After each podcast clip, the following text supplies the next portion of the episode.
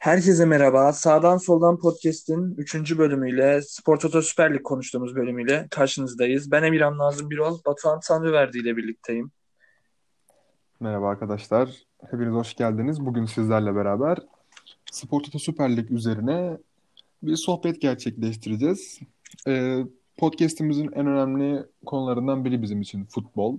Sadece Süper Lig değil, tüm dünya liglerini, e, olan olayları, gelişmeleri her zaman konuşmaya devam edeceğiz. Fakat ilk yayınımızın ülkemizin nacizane çok sevdiğimiz ligi Spor Toto Süper Lig üzerinden başlatıyoruz. Evet, Evet, başlayalım. Nereden başlamak istersin? ben eee, sezonun geri kalanında eğer hani virüs olayları devreye girmeseydi kimin şampiyon olacağını tartışalım istiyorum. Şimdi şu bu çok şey bir konu. Ee, öncelikle nasıl devam edeceği çok önemli. Çünkü burada baktığımız zaman e, belli bir sıralamada şampiyonluk adayı takımlar var. E, bu takımlar içinde e, Trabzonspor, Başakşehir, Galatasaray var. Ya benim 3 adayım şu an tabii ki bu takımlar.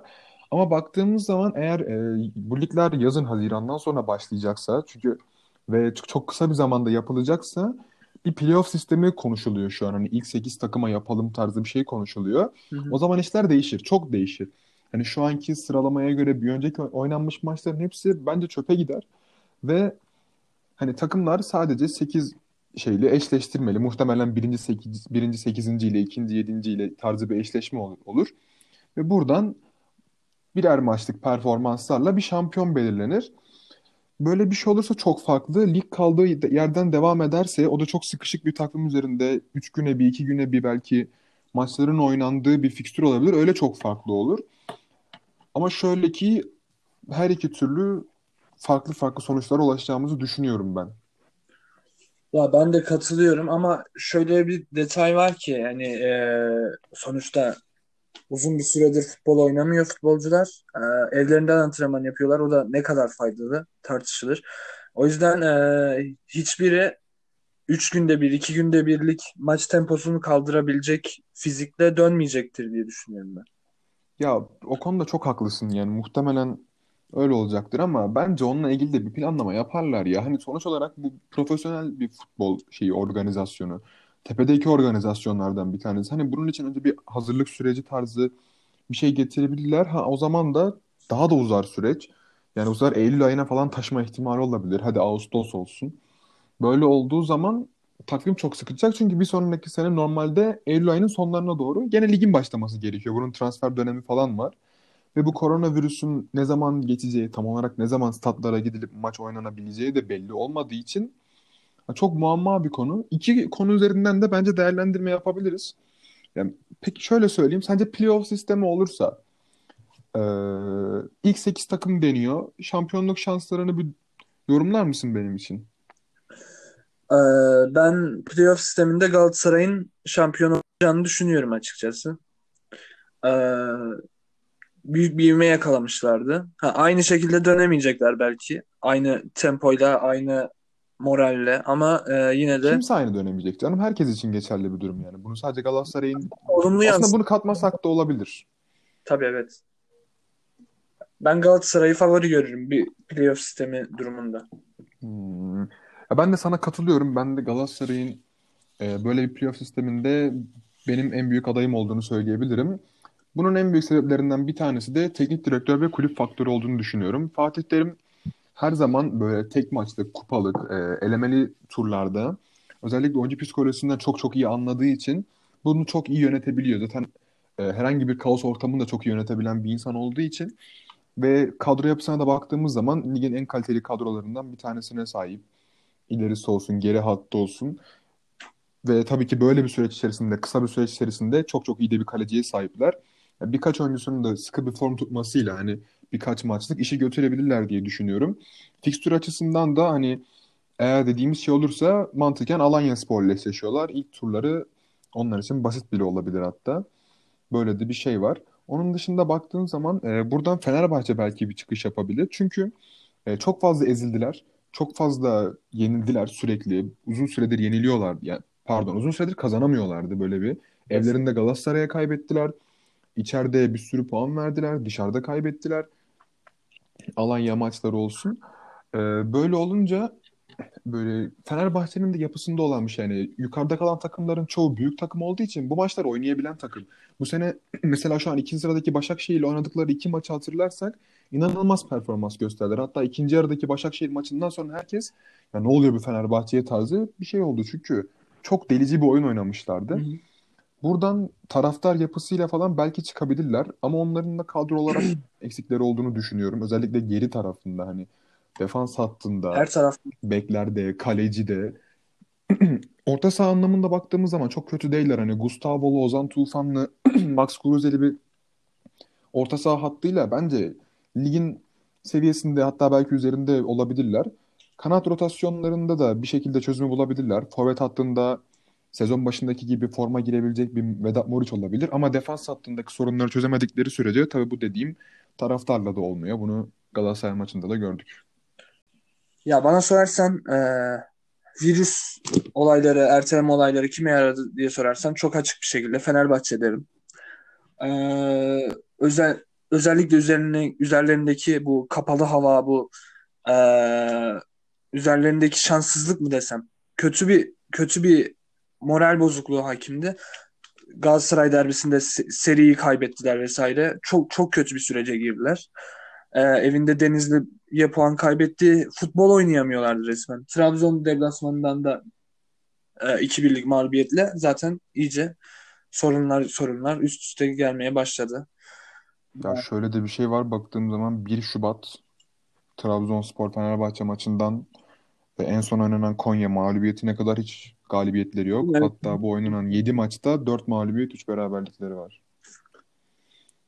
En son iyi oynadıkları, çok iyi oynadıkları maçtan, Başakşehir maçından sonra puan alamamışlar adam akıllı. Ve buna kupa maçları da dahil olduğu için. Ankara gücüne yenildi, Galatasaray'a yenildi. Ee, Konya'ya yenildi. vardı sanırım berabere. Galibiyeti yok evet.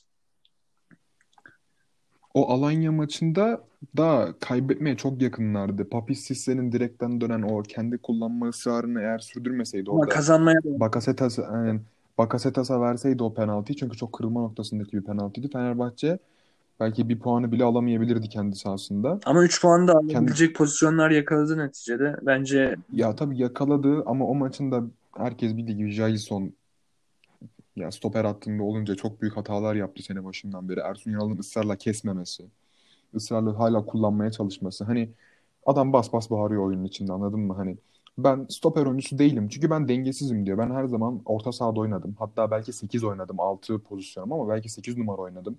Hep arkamdaki adamlara güvendim. Ayaklarımı kullandım ama beni oraya koyarsam benim hamlelerim boca oluyor. Ve böyle çok fazla şey var. Yaptırdığı çok penaltı var. Galatasaray maçında keza penaltı yaptırdı.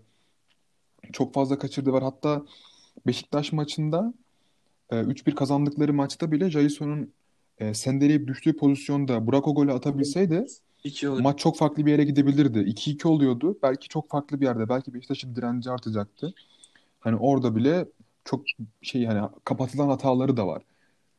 Ki bunun yanında şöyle baktığı zaman hani madem oyunculara girdik Altay mesela hani bir genç kaleciye göre aslında iyi bir kalitesi var. Hani kötü bir oyuncu değil ama baktığın zaman çok basit hatalar yapıyor özellikle oyun kurarken. Bunlar da Fenerbahçe'ye çok zarar veriyor. Yani o savunma hattında güvenebileceği en iyi oyuncu Serdar Aziz.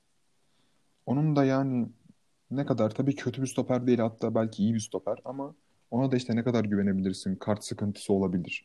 Sakatlanmaya da yatkın bir oyuncu Galatasaray'dan gönderilme sebebi biliyorsun. Yani ona da güvenemezsin. Biraz karmaşıktı ya aslında. Çok karmaşık. Hali hazırda bir sol bek sorunu var. Hasan Ali o Real Madrid maçında ayağından sakatlandıktan sonra dönemedi. Sürekli Dirar oynadı. Ne kadar verimli. Sağ bekte Isla defans yapıyor mu bilemiyorum. Ama onun dışında yani çok da kötü değildi Fenerbahçe. Bir anlık bu buhrana bir anda girince biliyorsun bu takımlarda çok oluyor. Bu galibiyette de aynı şey geçerli. Hani bir ivme yakaladığın zaman kötü ya da iyi çok güzel yol alabiliyorsun. Fenerbahçe bunun kötüsüne kapıldı. He, şöyle baktığım zaman mesela eğer lig devam etseydi Kayserispor'la maçları vardı içeride. Kazanabilirlerdi de. Sonraki fikstürleri çok da zor değil açıkçası. Sonraki 4 maçın 3'ünü içeride oynayacaklardı. Böyle de bir fikstürleri vardı. Belki yeniden bir ivme yakalayıp en azından ilk 4 için belki Avrupa Ligi'ne gidebilmek için bir avantaj oluşturabilirlerdi. Bakalım onlar için nasıl olacak? Ama şu Meksika kesin ki seneye çok deli gibi bir kadro planlaması yapmaları lazım. Ve özellikle çok iyi bir hocayla. az bence baştan önce teknik ekibi kuracak ardından e, zaten bütçe sorunu var biraz da. E, teknik ekibin istediği oyuncularla nasıl devam edecek? Nasıl bir futbol hedefliyorlar? Bir sürü soru işareti var Fenerbahçe tarafında bence. Ya çok soru işareti var. Bir de bu sene Ersun Yanal'la olan futbolu birazcık abartıldı birazcık. Hani Ersun Yanal 2013-2014 sezonunda cidden hani çok baskıcı hani Ersun Yanal'ın şey taktiği vardı hani zaten takım çok yetenekliydi hani. Çok çok üst düzey bir takım vardı orada. Hani orta sahası Meyreleş falan da anladın mı? Hücum hattında Solkayt falan. Öyle bir baskı kuruyorlardı ki hani soldan Caner, sağdan Gökhan geliyor. Defansta Alves Egemen kornere çıkıyor. Sürekli baskı dönen topları topluyorlar. Rakibi boğuyorlar. Yedekten Vebo giriyor. Boğa boğa boğa rakibi çıkartmaya çıkartmaya çok baskılı bir futbolda Nisan'da şampiyon oldu bu takım. Ama Ersun Yanal'ı tekrar getirdiler. Taraftar çok istedi. Ali Koç da getirmek zorunda kaldı. Yeni fakat eline verdikleri bu seferki takım bana adam, adamın elinde olan takım hiç uygun değil buna. Daha yumuşak oyuncular, defans hani düşsene Egemen Alves defansın vardı senin o zaman. İkisi de parçalayan oyuncular. Şimdi bakıyorsun defans hattı kuramıyorsun. En sağlam oyuncunun sakatlık problemi, problemi var. Tabii bunun da etkisi oldu. Doğru oyunu da tercih edemediler. Hı hı. Yani umarım onlar için kötü olmaz. Fenerbahçe çok önemli bir kulüp. Avrupa'da da bulunması gerekiyor bence. Benim adıma. Hani taraf, taraftar yapısı olarak bunu hak eden kulüplerden bir tanesi ama bazı sorunları çözmeleri gerekiyor. Ülke puanına çok katkıda bulunabilecek bir yapılar olmasına rağmen zamanında 2007-2008'ler şu anların boşa gitmemesi gerekiyor. Cidden ellerinde satılabilecek oyuncuları satıp cidden iyi bir kadro kurmaları gerekiyor ki şampiyon olamazlarsa bunu kurma kapasitesi, kapasiteleri de her geçen yıl azalıyor mali sebeplerden dolayı. Bu da bir gerçek. Tıpkı Beşiktaş gibi deyip biraz da Beşiktaş'a geçelim diyorum. Beşiktaş hakkında ne söyleyeceksin? Tabii ki bizim can damarımız. Ya Beşiktaş gerçekten hiçbir konuda tatmin etmeyen bir sezon geçirdi taraftarını. Ee, tek olumlu yanı Sergen Yalçın'ın gelişi taraftarı bir ateşledi. Onu da tadına varamadık. o da erken bitti evet. Ee, yani sene içinde pek umut verici görünmüyor mali sebeplerden kaynaklı. Ee, bilmiyorum. Yani Beşiktaş e, her yerde eksiği olan bir kulüp bence Fenerbahçe gibi. Her her açıdan eksiği var. Kaleci olsun, savunmada eksiği var. Hücumda çok bariz eksikler var. En, en bariz eksikler hücumda bile olabilir. Yani üretemiyor, üretemiyor. En büyük sorunları bu. Ya olmuyor yani. Atamıyor. Ya aslına bakarsan Sergen Yalçın döneminde aynen öyle. Üretmek konusunda bazı sıkıntılar açtılar. Çünkü birkaç oyuncu hani yetenekli oyuncular var takımın işte sonuç olarak. Bunlar kendine geldi ama atamama konusu o kadar gündemde kiydi. Hani bir Başakşehir maçı, bir Trabzonspor maçında atamadıkları pozisyonlar yüzünden yani orada puanlar bıraktılar. 5 puan bıraktı orada Beşiktaş iki maçta. Daha iyi bir santraforla belki daha formda, belki daha formda bir 10 numarayla bu işi götürebilirlerdi. Özellikle hayal kırıklığı performans Adem Naiç. Ya benim için ve muhtemelen tüm Beşiktaşlar hatta tüm taraftar izleyenler için geçen senenin özellikle ilk yarının ortasından sonra muazzam bir performans. Takımı ileri taşıması, attığı goller, asistler falan bu sene ortada yok Adem. Çok kötü bir performans gösteriyor. Burak Yılmaz geçen sene yani 15 maçta mıydı ya? 11 gol, 4 asist. Yani maç başına bir gol kesin etkisi varken bu sene yok yani penaltı gelirse atıyor. Onun dışında kanatların çok zayıflaması. Orta sahada Elneni transferi var. O biraz ileri taşıdı. Yani onun dışında şey yok. Boateng çok hava getirdi Beşiktaş'a bence. Evet ona katılıyorum. Boateng hakkında da birkaç bir şey söyler misin benim için? Ya Boateng e, Beşiktaş'ın aradığı deliciliği verdi. Özellikle Trabzon maçında gördük. Gaziantep maçında gördük. E, istediği performansı verdi ama bazı maçlarda çok kayıptı. Başakşehir, Galatasaray. E, o, o maçlarda eksikliğini de hissettirdi. Ya, yani tabii ki seneye olur mu olmaz mı hiçbir şey belli değil ama e, Beşiktaş'a katkı vereceğini düşünüyorum ben. Ya olur gibi duruyor. Hani böyle hala hala hazırda bugün Instagram'da yayına falan katıldı. Beşiktaş çok seviyor. Ülkeye de alıştı tabii kendisi de Almanya'da. Türk mahallesinde sanırım büyümüş bir insan olduğu için. Ama sanki fark edersek birazcık fizik eksikliği çok fazla hissediliyor. Hani hazır geldim dedi. 11'e falan başladı ama maçın yani 65'in 70'lerinde falan çok yorulmuş bir Boateng görüyoruz. Bu sorunu aşabilirse yani 87 doğumlu bir oyuncu. Hani 33 yaşına basacak bu sene içinde. Yani Beşiktaş'a bir sene daha belki bir buçuk sene daha faydalı olabilir. Belki santrafor hattında. Belki onun bir gerisinde ama dediğim gibi senin de dediğin gibi çok bir enerji getirdi. Fakat o bile işte nereye, nereye kadar yeterli olacak. Olmaz yeterli olmaz. Çok Beşiktaş'ın en önemli sorunlarından bir tanesi bence onu söylemek istiyorum. Kaleci problemi hakkı var. Çok çok büyük. Ne söylemek istersin? Ya kaleci bir problemi nasıl çözülür gerçekten hiç bilmiyorum. Ya Karius'ta olmayacağı çok ortada. Ee, altyapıdan birini bulacaksın çünkü bütçen yok yani transfer bütçesi yok. Belki e, bonservis elinde bulunan bir futbolcu düşünülebilir. Oradan da işte Joe Hart vesaire yazılıyor. O da belli değil. Hı hı. Yani e, Beşiktaş bu durumu çözebilmesi minimum bütçeyle halledecek, halledecekse o da iyi bir araştırma istiyor, scouting istiyor. Gerçekten zor bir transfer dönemi geçirecek gibi duruyor. Ya ben aslında geçen bir kaleci ismi görmüştüm sanırım. Ee, bir e, siyahi bir kaleciyle bir herhalde anlaşma sağlandığı tarzı bir şey var. 25 yaşındaki bir kaleciyle şu an ismini hatırlayamıyorum ama. Yani birkaç şey bulunabilir gibi geliyor. Ha şey çok kötü. Mali açı çok çok kötü Beşiktaş'ta özellikle aslında çok iyi olduğunu düşündüğümüz bir durumdan çok kötü bir hale geldi bir anda. Biz de anlayamadık ne olduğunu. Kimse anlayamadı. Paralar nereden başladı, Taliscaların, Pepe'lerin gitmesi, gelmeleri önce büyük bir şey yatırım sonra bir anda çöküş. Yani çok hızlı bir çöküş oldu. Burada çıkış olarak ben şöyle bir öneri sunabilirim. Hı, Talisca ismi geçiyor Beşiktaş için. Ee, Talisca'nın Beşiktaş'a gelmek istediği bence aşikar. Çünkü burada hatıraları var, anıları var. Burada çok sevilen bir isim. Taraftar her zaman Talisca'yı bağrına basacaktır. Ve çok yetenekli bir oyuncu. Her zaman tek başına takım olabilen oyuncular vardır. Sen de biliyorsun. Snyder gibi bir isim mesela. Bunlardan biriydi Talisca. Beşiktaş'a çok çok faydası oldu. İki sene boyunca 37-38 tane gol attı yanılmıyorsam. Her biri güzel.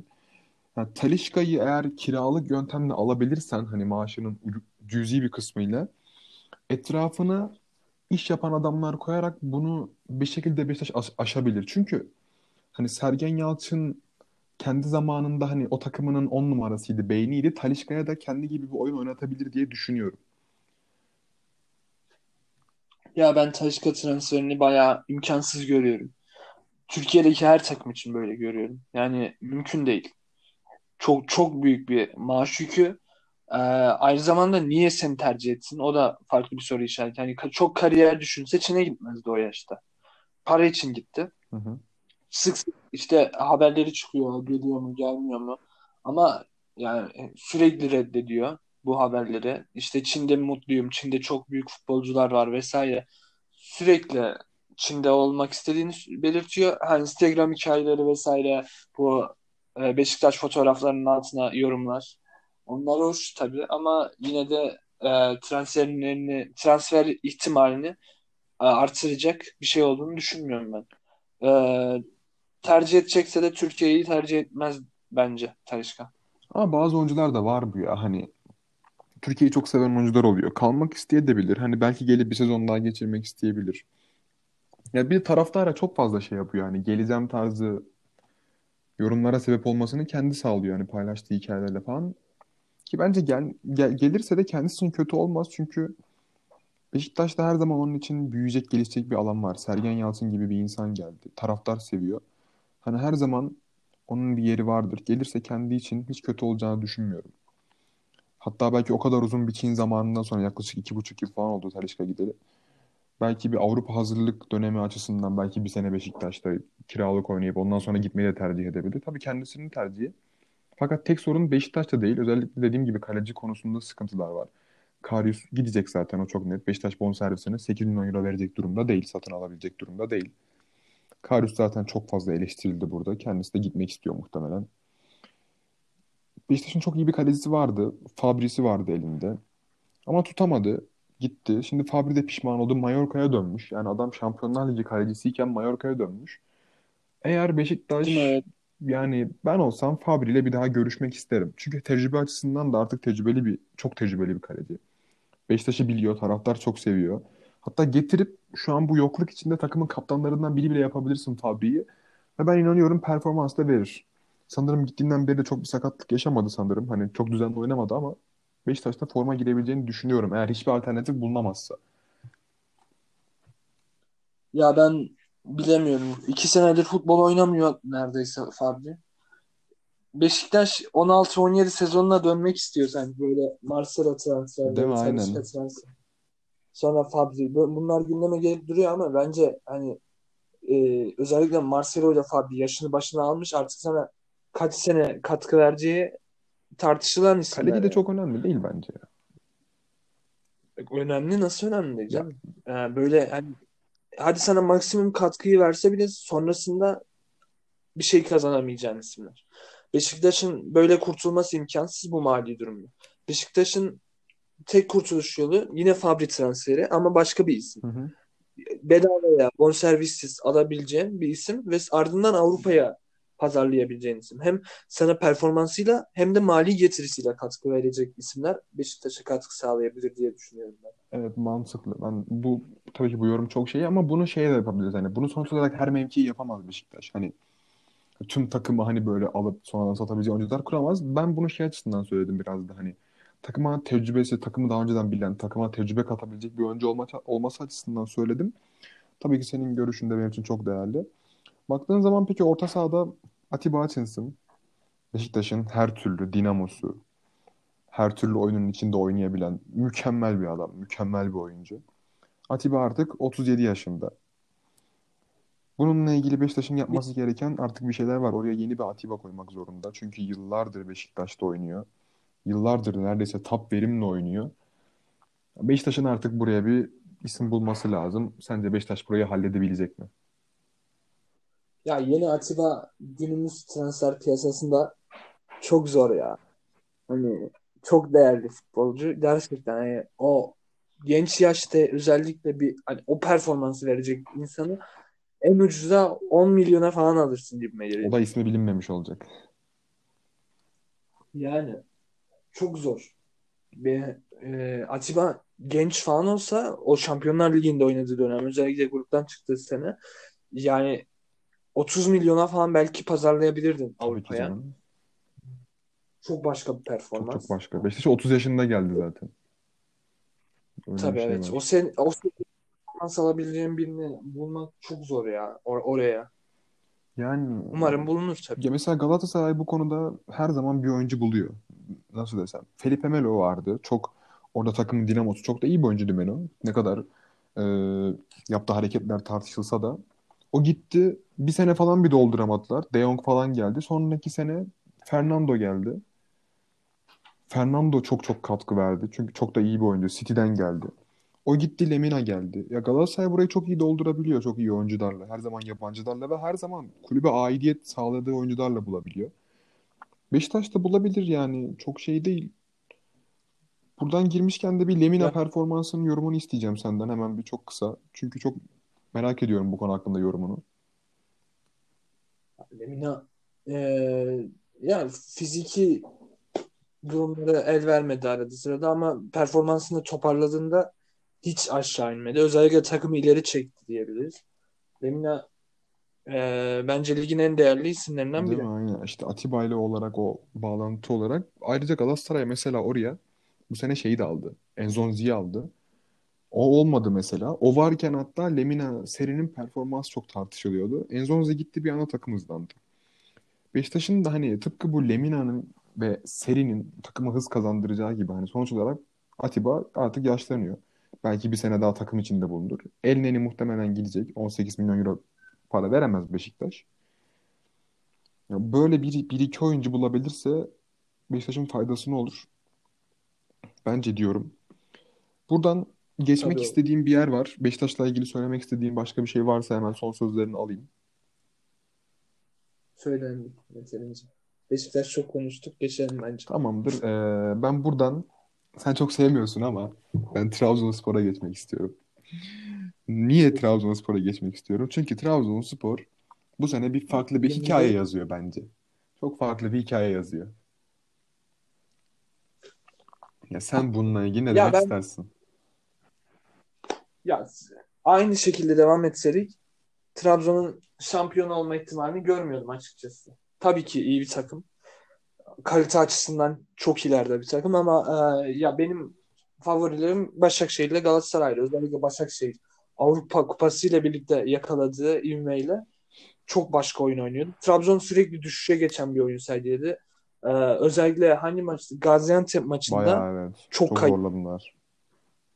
hiç oynayamadı. Beşiktaş maçı da öyle. Ee, ya Beşiktaş maçı zaten evet Beşiktaş'ın elleriyle hediye ettiği bir puan bile diyebiliriz. Beşiktaş'ın kanatlarının hediye ettiği bir puan Evet, diyebiliriz. boyut. Yani Trabzon sürekli düşüşe geçiyordu. Ee, belki Abdülkadir'in dönüşü falan bir artı yazabilirdi. Ama ben Başakşehir yakaladığı ivmeyle, Galatasaray'ın yakaladığı ivmeyle e, Trabzon'un o iki takımın bir yerde gerisine düşeceğini düşünüyordum. Trabzonspor'da teknik direktör değişikliğinden sonra bence çok düşüşe geçti. Çünkü Ünal Karaman'la çok coşkulu bir oyun oynuyorlardı. Yani Ünal Karaman döneminde Trabzon bence iyi bir top oynuyordu. Hani tabii ki kadro yeteneği çok fazla. Hani Sosa özellikle Sosa'nın ne kadar iyi bir oyuncu olduğunu hepimiz biliyoruz. Solda Vakayeme inanılmaz bir adam. Hani öncesinde nasıl keşfedilememiş ben çok şaşırmıştım. Öyle bir oyun ileride tabii ki Sörloth gibi bir ya, ligin en iyi for, santraforu şu anda. Ve arkada bir de tutanın iyi olunca Trabzon çok iyi bir ivmeyle hareket ediyordu. Sonra Ünal, Ünal Karaman'ın başkanla yaşadığı, kulüple yaşadığı gerginlik, gidişi, Hüseyin Çimşir'in gelişi takıma böyle bir durgunluk geldi. Hatırlarsın Şenol Güneş'i zamanında Beşiktaş'ta böyle öne geçtiği zaman aman kaybetmeyeyim duygusu, böyle bir oyunu bırakma, hani daha sakin olalım duygusunu almaya çok erken başladılar. Hani Beşiktaş maçında gördük. Skoru aldılar ve direkt oyunu kaybettiler. Halbuki öne geçmişsin ve Beşiktaş'ın kırılgan defansına biraz da atak yapsan sonuç bulabilirsin. Ünal Karaman olsaydı öyle yapardı. Şimdi buraya direkt Obi Mikel, Ndiaye, Sosa gibi başlaması, daha böyle orta saha kalabalığının olduğu çok şeyi değiştirerek oyununu yavaşlattılar Trabzon'un. Ama buradan dönebilir. Abdülkadir'in dönüşü, Ekuba'nın tekrar dönüşü. O da biliyorsun bir sakatlık sürecine girdi. Hani burada bir dönüş yapabilirlerse Trabzon favorilerden biri olabilir. Zaten 3 favori var. Bunların tepesine de çıkabilir diye düşünüyorum. Ama oyuna göre. Favorilerden Hı hı. Ki aa, Obi Mikel de Ya gitti. ben- Öyle de bir şey var. Obi Mikel'i de gönderdiler. Ülkeli göndermek zorunda Evet. kaldı evet biraz. Ekuban'ı çok beğeniyordum ben. Ekuban inanılmaz ya. Ya, bir Fenerbahçe maçı oynadı. İnanılmazdı Evet. Harika. maç. Gol sevinci çok iyi değil miydi ya? Gol sevincinden dedim ne oluyor ya? Bu nasıl bir şey hareket? Sonra sanırım Rodriguez de o tarz bir şey yaptı. Herkes Rodriguez çıldırdı. iki, iki. Siyahi oyuncuların renk kattığı bir maçtı ama Ekuban inanılmaz bir performanstı. Ama sonra çok talihsiz sakatlandı ya. Özellikle 2-3 dakikalık bir sekansı vardı. Ee, e, çok çok iyi bir e, koşu yapmıştı kaleye. Evet Kanattan bir inmişti. Yani yediği ya çok çok inanılmaz 2-3 koşusu vardı. Savunmanın hiçbir şey yapamadığı, bir türlü durduramadığı bir isimdi o maçta. Nasıl döndü falan tartışılır ama tabii ki o performansa çıkabilecek bir isim. Rahatlıkla. Yaşının da Aynen getirdiği. çıkarsa bir de Sörloth'la beraber öyle bir ikili yani muazzam olur. Ya hücum opsiyonları çok çok iyi gerçekten. Trabzon'un ama savunma anlamında aynı şeyi veremiyor. Bek olarak bence veriyor. Özellikle Novak. Ben çok beğeniyorum Novak'ı. Yani skor katkısı çok yüksek olan bir oyuncu. Yani dikkat ettiysen böyle çok fazla hücuma çıkıyor. Kornerlerde, öbür şeylerde. Hani Pereira daha çok çizgideki ka- kanat beki.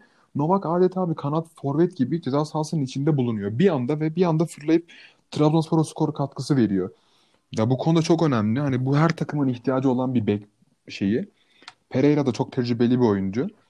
Fakat stoper attı. Dediğin gibi Da Costa birazcık oraya oturdu gibi sanki ama onun dışında Gaston Campiler işte Manuel aldı, aldılar hiç oynamadı. Hüseyinler iki tane bir Hüseyin'i bir de Hüseyin var. Çok değişti stoper attı. Hüseyin. Hüseyin'i evet. Çok fazla değişti stoper attı. Orada sıkıntı yaşadıkları kesin. Evet. Trabzonspor'da ekleyeceğim bir şey yoksa küme hattına geçelim mi? Trabzonspor'da ekleyeceğim bir şey yok. E, Abdülkadir Ömür'ün dönüşünü merak ediyorum sadece. O benim aklımda bir soru var. Onunla ilgili de Evet. ilerleyen zamanlarda Bence de. göreceğiz. Küme hattına geçelim Küme hattına ben. geçelim. Küme hattının son sırasında Kayseri Spor var. Şehrimizin takımı. Kayseri Spor Hmm, Öyle. çok çalkantılı bir dönemden geçti. Ee, teknik direktör değişikliği yaptı. Bülent Uygun, Bülent Uygun'u getirdiler. Yani tuhaf bir sekansla bir Fenerbahçe'yi yendiler.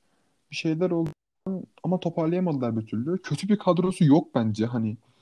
Özellikle Bence yani kötü. hücum hattı aslında hani tabii ki lig seviyesine göre değil de hani düşme potasındaki takımlara bakarsan çok altında değil anladın mı? Hani sonuncu sıradaki takım olacak kadro mu diye sorarsan bence değil. Özellikle seneye başladıkları kadro gibi düşünürsen hani Adebayor'lu falan bir kadroyla başladılar. Bernard Mensah ben çok beğeniyorum. Onu Henrique transferi falan yani kötü bir kadroyla başlamadılar. Ama o şeyi bir türlü tutturamadılar. Hani Ab yani Valencia'dan. Abden şu anda belki Fenerbahçe'ye koy oynar anladın mı şeyle beraber Serdar Aziz'le. Öyle bir yerden bir anda böyle düşüş, mali kriz, başkan değişikliği, işte Berna başkan geldi, ilk kadın başkan oldu. Bir anda böyle şeyler oldu ve şu an son sıradalar. Ben anlamadım yani. İlginç bir takımlar. Sen neler söyleyeceksin?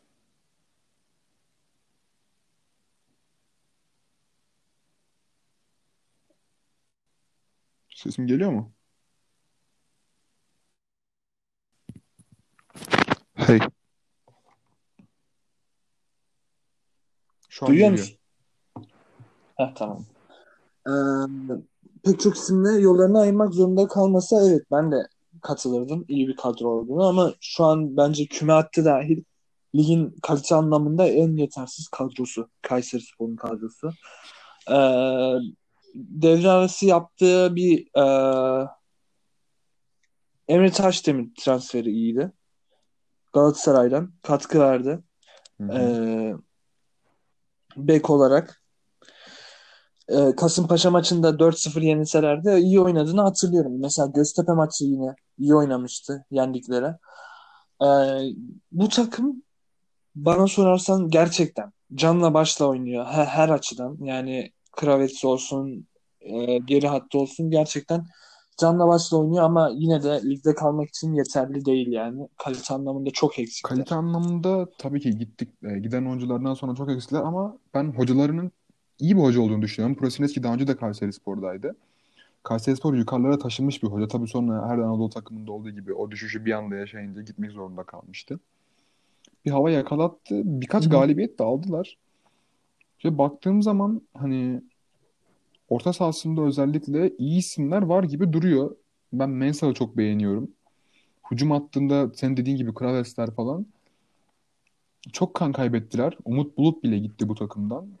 Ama toparlayabilirler mi? Bence hocalarının e, seviyesine bakarak toparlayabileceklerini düşünüyorum. Kadro anlamında baktığın zaman orada onların bir üstünde bulunan Ankara Gücü takımı da var mesela. Ondan bahsedelim birazcık. Ankara Gücü'nden çok da eksik olmamalarına rağmen bir puan gerisindeler. Keza Ankara Gücü de aynı şekilde seneye transfer yapamadan başlayan bir takım. Tam tersi hani kümede bulunduyorlar. Transfer yapamadan başlayan bir takım. Çok kötü gidiyorlardı.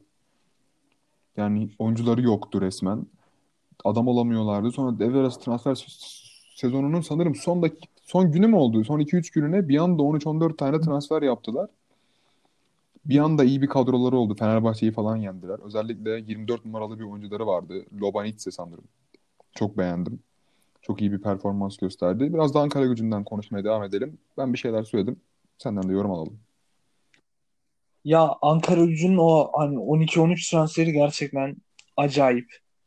Ya ben inanamadım abi biz halı sahaya bir günde son adamı bulamıyoruz. Yani 12-13 kişiyi nasıl topladınız? Ben gerçekten aklım Bir almadı. de kötü değiller fark ettin mi Ama hani? Kötü değiller yani. İyi oynuyorlar ilginç bir şekilde. onlar sanırım e, transfer yasağını son günlerde hallettiler diye hatırlıyorum. Aynen Öyle o, mi oldu? hani şey olmadı olmadı bir anda hadi yasak kalktı oldu hepsini aldılar. Bir anda 15 kişi yan yana dizilmişlerdi böyle. Hepsi, hepsini bir Bir anda yan yana gördük. Evet evet. Orkan Çınar'da falan Aynen. böyle çok ilginç bir kadro. oldu. Bir tane adamları var. E, Rodriguez diye bir santrafor almışlar. Bak çok şey, sana çok samimi söylüyorum. Birazcık daha böyle bir performans sergilesin. Bizim ülkemizde daha üst takımların bir tanesine gidecektir. Yani kiralık mı nasıl geldi bilmiyorum ama çok ilginç bir oyuncu. Çok şaşırdım yani. Evet Fenerbahçe maçında evet, çok iyiydi. Değil mi? O, oradaki adam. Değil? 9'unda. Hatta gol Hı-hı. attıktan sonra Fenerbahçeliler işte ya biz attık sandım Geri Rodriguez diye espriler falan dönmüştü. Ya evet ka- kalite olarak tartışılır ama e, yani tutunmak için bir şeyler yaptılar. Fenerbahçe galibiyeti de iyiydi. İyi top oynadılar o maçta da. Ee, ama ben yine de düşeceklerini düşünüyorum. Eğer sezon bu şekilde devam ederse. Ya düşme hattını nasıl belirleyecek e, TFF hiçbir fikrim yok. Ama e, aynı şekilde devam ederse Kur'an düşeceklerini Düşme konusundan bahsetmişken e, şöyle baktığım zaman 18 Kayseri, 17 Ankara Gücü, 16 Rize, 15 Malatya, 14 Konya, 13 Kasımpaşa Kasımpaşa. ve bu takımların puanları şöyle hani 26 26 25 25 onların bir üstünde Gençler Birliği var 28 Antalya 30. Şöyle baktığın zaman hatta bir üstteki Denizli bile buraya istemeden bir dahil edebiliyorsun. Çünkü iki maçlık bir fark var Denizli ile. Yani düşünün Denizli iki maç kaybetti yani Rize iki maç kazandığı an yer değişiyorlar. 10. sıraya kadar. O yüzden ben Evet, eğer lig normal devam edecekse sanki öyle olacak gibi düşme potansiyeli hesaba katarlarsa öyle olursa buradan bazı takımların fırlama, fırlayabileceğini düşünüyorum. Kayseri ve Ankara Gücü hakkında çok olumlu yorumlarım olmayacak ama e, Rize'nin buradan kurtulabileceğini düşünüyorum ve benim oradaki en büyük düşme adaylarımdan bir tanesi Konyaspor. Ligin sen Kayseri dedin bence en yetersiz kadrosuna sahipler. Evet ben o orada düşündüm zaten Kayseri mi Konya mı diye. Ee, ben özellikle Kayseri ile olan maçına kadar e, düşme hattının Kayseri, Konya, Kasımpaşa şeklinde olacağını düşünüyordum. Değil mi? Kasımpaşa da sonra bir Kasımpaşa fırtınası böyle oldu. kalınca son son bir atılımla oradan kafayı çıkarttı ama e, bilmiyorum ne durumdalar. Konya gerçekten çok kötü takım ya. Hani takım takımın hücuma dair hiçbir fikri olmadığını düşünüyorum. Bak Hiçbir hatta sana yani. abartayım O mı birazcık? Şu kadrodan hani Süper Lig'de bir takımsın. Şuradan kaç hangi oyuncuları alırsın diye sorsalar alacağım iki tane isim var. Bir tanesi Sukubic. Diğeri de yedek olarak Aha. kaleci Serkan Kırıntılı. Ama yedek olarak. Onun dışındaki hiçbir oyuncuyu kadrona ya katmazsın. Süper Lig'de kendini defalarca kanıtlamış bir oyuncu. Hani ona bir şey diyemem. Ama çok yetersizler abi Çok ya. yetersizler, Gerçekten ya. Hele ileri hücum attı ya. Bayiç var. Çok özür dilerim. Bayiç'i Bayiç var. Yani kötü bir, iyi bir santrafor onu unuttuk. Ama hani o da ne kadar yeterli olur? Hiçbir fikrim yok yani çünkü. Abi, sene başında iki tane Gürcü topçu aldılar. Orta sahada sanırım. Ya hiç hiç bilmiyorlar. Gerçekten o top nasıl diğer kaleye Şey, taşınır? hmm, Hiçbir fikri yok. Şengelya bir tanesi.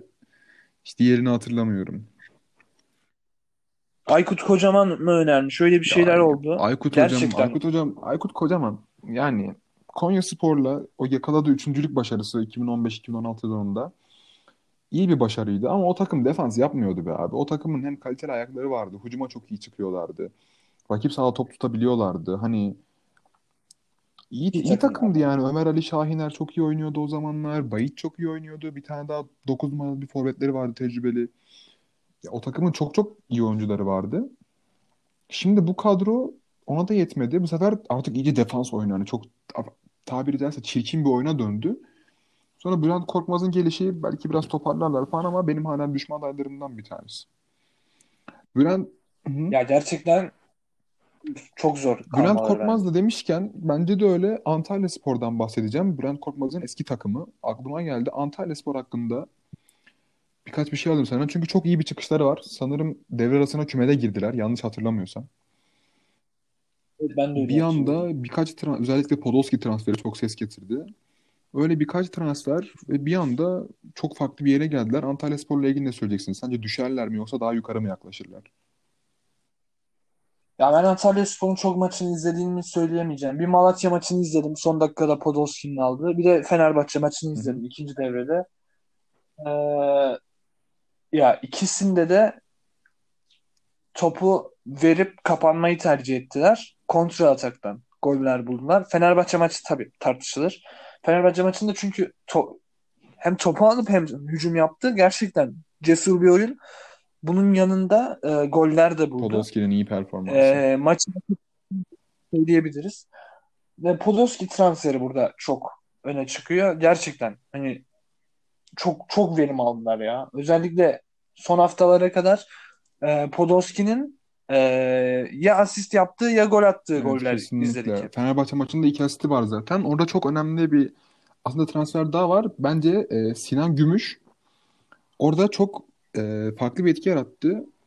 Galatasaray'da falan kendini bulduğu zamanlarda çok iyi oynuyordu Sinan Gümüş. Hani ben her zaman çok ileri gidebilecek bir yetenek olduğunu düşünüyordum. Sonra bir anda söndü, ortaya çıkamadı. Antalyaspor'da fena oynamıyor şu anda kanatta. İyi bir etki gösteriyor. Arkasında da Nazım Sangare var. Bence çok iyi bir bek. Hücum anlamında çok çok iyi bir bek Nazım Sangare ki milli takımımızın da ikinci beki. Zeki Çelik'ten sonra. Hı O kanadı çok iyi kullanıyorlar. Orada Podolski'yi merkezde hani böyle bir forvet arkası gibi bir oyuncu olup tecrübesini tecrübesiyle takımı hücumda yönlendiriyor. İleride Yahovic transferi hepimizin bildiği gibi. Bir de genç 2000'li bir kardeşimiz Mukayru var. Ee, Beşiktaş maçında gol atmıştı Mukayru. hatırlarsın karşı karşıya. O kardeşimiz de orada bir şey oluşturdular yani. Podolski çok önemli bir transfer tabii ki burada. Bakalım ben daha da yukarılara çıkacaklarını düşünüyorum. En azından Gaziantep'i geçeceklerini düşünüyorum. Böyle 9. sırada falan bitireceklerini düşünüyorum. Baktığın zaman 8. sıra ve aşağısının hepsinin düşme adayı olabileceği bir yerdeyiz. Ha bana kalırsa Antalya çıkar. Buradan Gençler Birliği belki düşüşe geçebilir. Onun dışında dediğim gibi Konya, Kayseri ve Ankara Gücü'nün düşme adaylarım olduğunu söyleyebilirim. Ya ben de katılıyorum ya buna. Konya Konya belki Rize Rize. çıkar ya. Rize'nin aldığı forvet hatırlıyorsun değil mi? Senle izlemiştik. Ee, senle mi Aynen. izlemiştik? Milan Škoda. 34 Evet Şkoda. yaşında falan.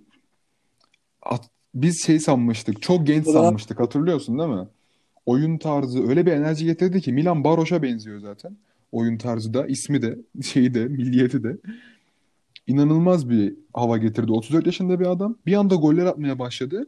Ve o takımın arkası da çok iyi bak. Ben sana söyleyeyim. Aminu Umar iyi bir kanat oyuncusu bence. Fernando Boldrin bir Anadolu takımının sahip olabileceği iyi oyunculardan bir tanesi. Bir Atıf şey şu havası var o adamda. Brian, Sam Brian Samudio falan var. Hani böyle bunlar hep Rize'nin uzun zamandır içinde bulundurduğu ve verim aldığı oyuncular. 11'ini oturttu. Evet evet. Çok önemli. Ünal, Ünal Karaman geldi, bir 11'i oturttu ve oradan devam ediyor. Bu çok önemli. Onu sağladılar bir anda. Ben Rize'nin o, o yüzden düşmeyeceğini düşünüyorum. Ben şunu düşünüyorum. Ee, hücum anlamında tam Şkoda falan forvet hattı iyi ama aa, ya Um- Umar'a mesela Umar konusunda katılamayacağım. Bir Kasımpaşa maçı oynadı neler kaçırdı ya. Ya Gerçekten ya kaçırdı. kaçırabilir bence. Hani çok bazı oyuncuların öyle sıkıntılar oluyor. Hani Volkan Şen'de bu bir dönem olmuştu ama hücuma çok çok iyi taşımıyor mu sende de? Yo hızıyla evet bir şeyler katıyor ona bir şey diyemem. Ama ya verim ne kadar verim aldıkları tartışılır bence Ya tabii ki bir de ilk başlardaki o kötü performans sanırım İsmail Kartal Hoca vardı. Yanlış hatırlamıyorsam İsmail Kartal mıydı? Tam emin değilim şu an sene başına kimle başladıklarından ama e, İsmail Karsal o dönemde çok şey yapamadılar. Devre arasından sonra yine çıkışa geçen takımlardan bir tanesi. Burada, burada değinmek istediğim bir oyuncu var. Oğulcan Çağlayan. Adı Beşiktaş'a da geçiyor. E, Galatasaray'da da geçiyor. İyi bir santrafor gibi. Kanatta da verim alınabiliyor. Ne düşünüyorsun? Sence milli takım için, gelecek için iyi bir santrafor adayı mıdır? Ya Oğulcan zaten Kayserispor'daydı. O zaman e, geleceğin yıldız adayı falan diye lanse edildi. Sonra başarısız bir şekilde devam etti. Ardından Rize ile çıkış yakaladı. Beşiktaş maçını çok iyi Evet, oynadığını hatırlıyorum. Bence ileride değerlendirilebilir. Böyle devam ederse Umarım takıma gider diye düşünüyorum ben de. Son olarak e, artık yavaş yavaş sona geliyoruz. Bahsetmek istediğim ilginç bir takım var. Onu da bahsedip bitirelim. Yeni Malatyaspor diyeceğim ben. Çünkü seneye öyle bir başladılar ki Avrupa Ligi'nde gruplara kalacağız havası, iyi bir performans. Elendiler. Herkesin takdirini toplayarak. Sergen Yalçın'la mükemmel bir sezon başlangıcı. Sonra bir anda kendilerini düşme hattının bir üstünde buldular. Ne söylemek istersin?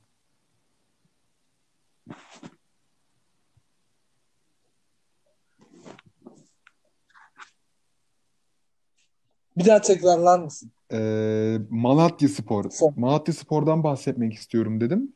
Şu yüzden çünkü çok ilginç Aha, bir takım. Hani o- onu söyledim. Sene başındaki o Avrupa Ligi elemeleri oynadılar. Çok iyi bir kararlı bir yapıları vardı. Adis Yahovic'ler, Gökhan Töreler, işte Aqua transferleri, Sergen Yalçın var. İşte elendiler. Herkes dedi ki bravo işte Malatyaspor harikasın. Seneye çok iyi başladılar falan ve bir anda kendilerini düşme hattının bir üstünde buldular. Bununla ilgili ne söylemek istersin? Ya ben Malatyaspor'un Malatyaspor'dan çok ümitliydim. Onun başta ekleyeyim. Partizan serisi özellikle Evet çok çok iyi oynadılar.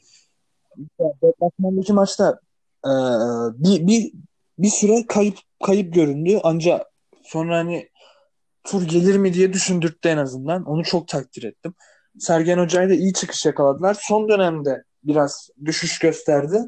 E, ama takım çok efektif ya. Gerçekten hani e, üretebiliyor. İyi savunma hattı. Minalı falan. Gerçekten Farnol kalecisini de çok iyi. beğeniyorum. Farnol inanılmaz bir kaleci ya. Onu da beğeniyorum. Gerçekten yani benim favori Anadolu takımlarından biriydi sezonun başında Alanya ile birlikte. Ee, ya tabii düşüş yakaladı. Sergen Yalçın gittikten sonra da bir şeyler Hikmet değişti. Karaman var. Hikmet Karaman hayır şeyde Rize'de. yo. Hikmet Karaman şu an şeyde ya. Hikmet Karaman şu an Malatya'da değil mi? Rize'de. Yo, Rize'de Hikmet Ünal Karaman Karaman. Rize'de. Karamanlar karıştı. Karamanlar karıştı. Hikmet Karaman şeyde Malatya'da şu an. Pardon. yok. Ee, buradan bilmiyorum nasıl ya performansları düştüğü çok aşikar. Düştükleri çok aşikar. Ancak e, ya bu sezon için ümitleri kalmadı zaten herhangi bir şey adına. Avrupa'ya da gitmeleri çok hı. zor görünüyor bana sorarsan. Yani bu sezonu kapatıp artık gelecek sezon için yine hani bir kere transferi tarzı birkaç transferle ya ilk beşi zorlayabileceklerini düşünüyorum. Kadro da özellikle hücum hattının santrafor kısmında Yahovic gittikten sonra bir çözüm bulmaları gerekiyor. Umut Bulut orayı kapatmadı bence. Umut Bulut zaten herhangi bir takımda bir şey kapatamaz Evet artık Süper Lig'de ya. Gerçekten Özellikle hani Galatasaray'dan bir şey. Kayseri'ye geldikten sonra Umut Bulut zaten o zamanlar yani kariyerinin düşüşe geçtiği anlardı. Eskiden çok çok iyi bir forvetti bence. Özellikle Galatasaray'daki o patlama döneminde Burak Yılmaz'la beraber çok iyi gol atıyorlardı. Tabii sonra gene Drogba'nın gelişi falan gene Umut 3. santrafor oldu ama tabii yaş da ilerledikçe artık katkı verebilecek bir oyuncu pozisyonda değil bence de. Belki Bifuma'yı falan santraforda kullanabilirler ama o da tabii ki aslen kanat oyuncusu. Ama Ya kanat oyuncusu zor ya yani verim almak Yani işte zamanında Beşiktaş'ın Ryan Babel'de denediği gibi hani o bile boyu uzun, hızlı bir oyuncu olmasına rağmen çok aynen Babel yetmedi bile yani. Çok şey olmadı. Oraya cidden santrafor oynamasını bilen, işini yapmayı, orada oy- oynamış bir oyuncu lazım. Baktığın zaman düşme hattını da böyle yani değerlendirebiliriz. Eklemek istediğim başka bir şey var mı? İstersen kısa bir Alanya değerlendirmesi alabilirim.